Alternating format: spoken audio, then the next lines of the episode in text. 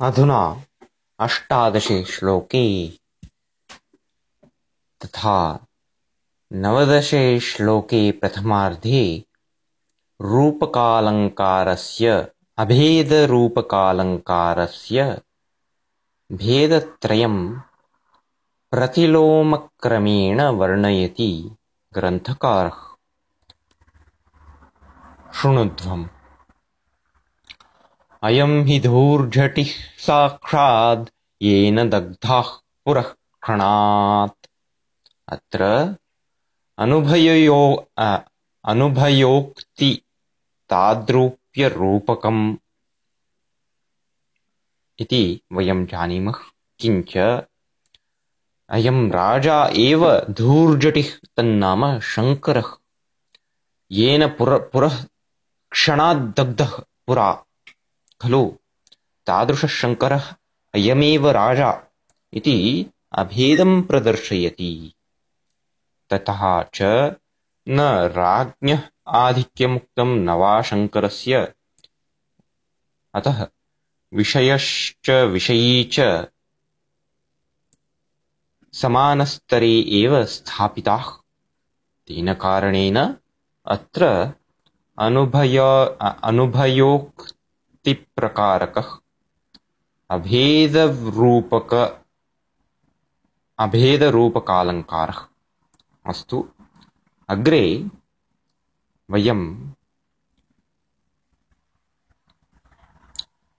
न्यूनत्वाभेदरूपकस्योदाहरणं पश्यामः।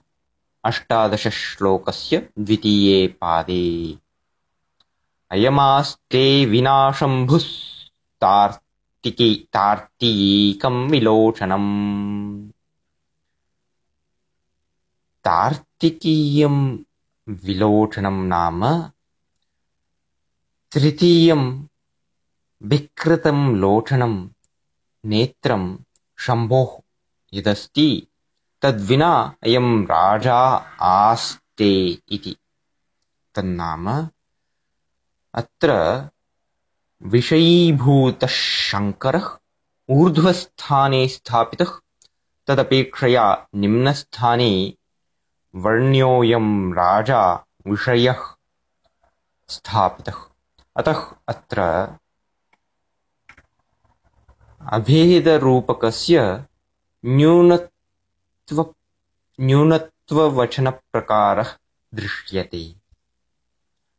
एवं हि नवदशे श्लोके प्रथमार्धे एवमुक्तं शम्भुर्विश्वमवत्यद्य स्वीकृत्य समदृष्टिताम् इति। शम्भुः विश्वम् अवति अद्य स्वीकृत्य समदृष्टिताम् इति।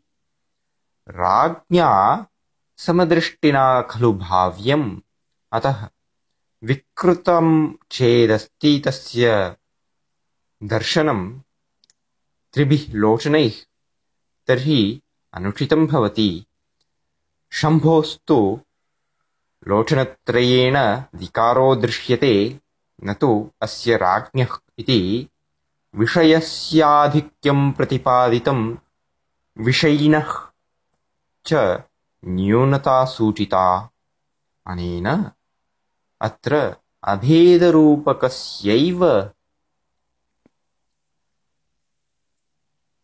आधिक्यप्रभेद आधिक्यवचनप्रभेदः लक्ष्यते।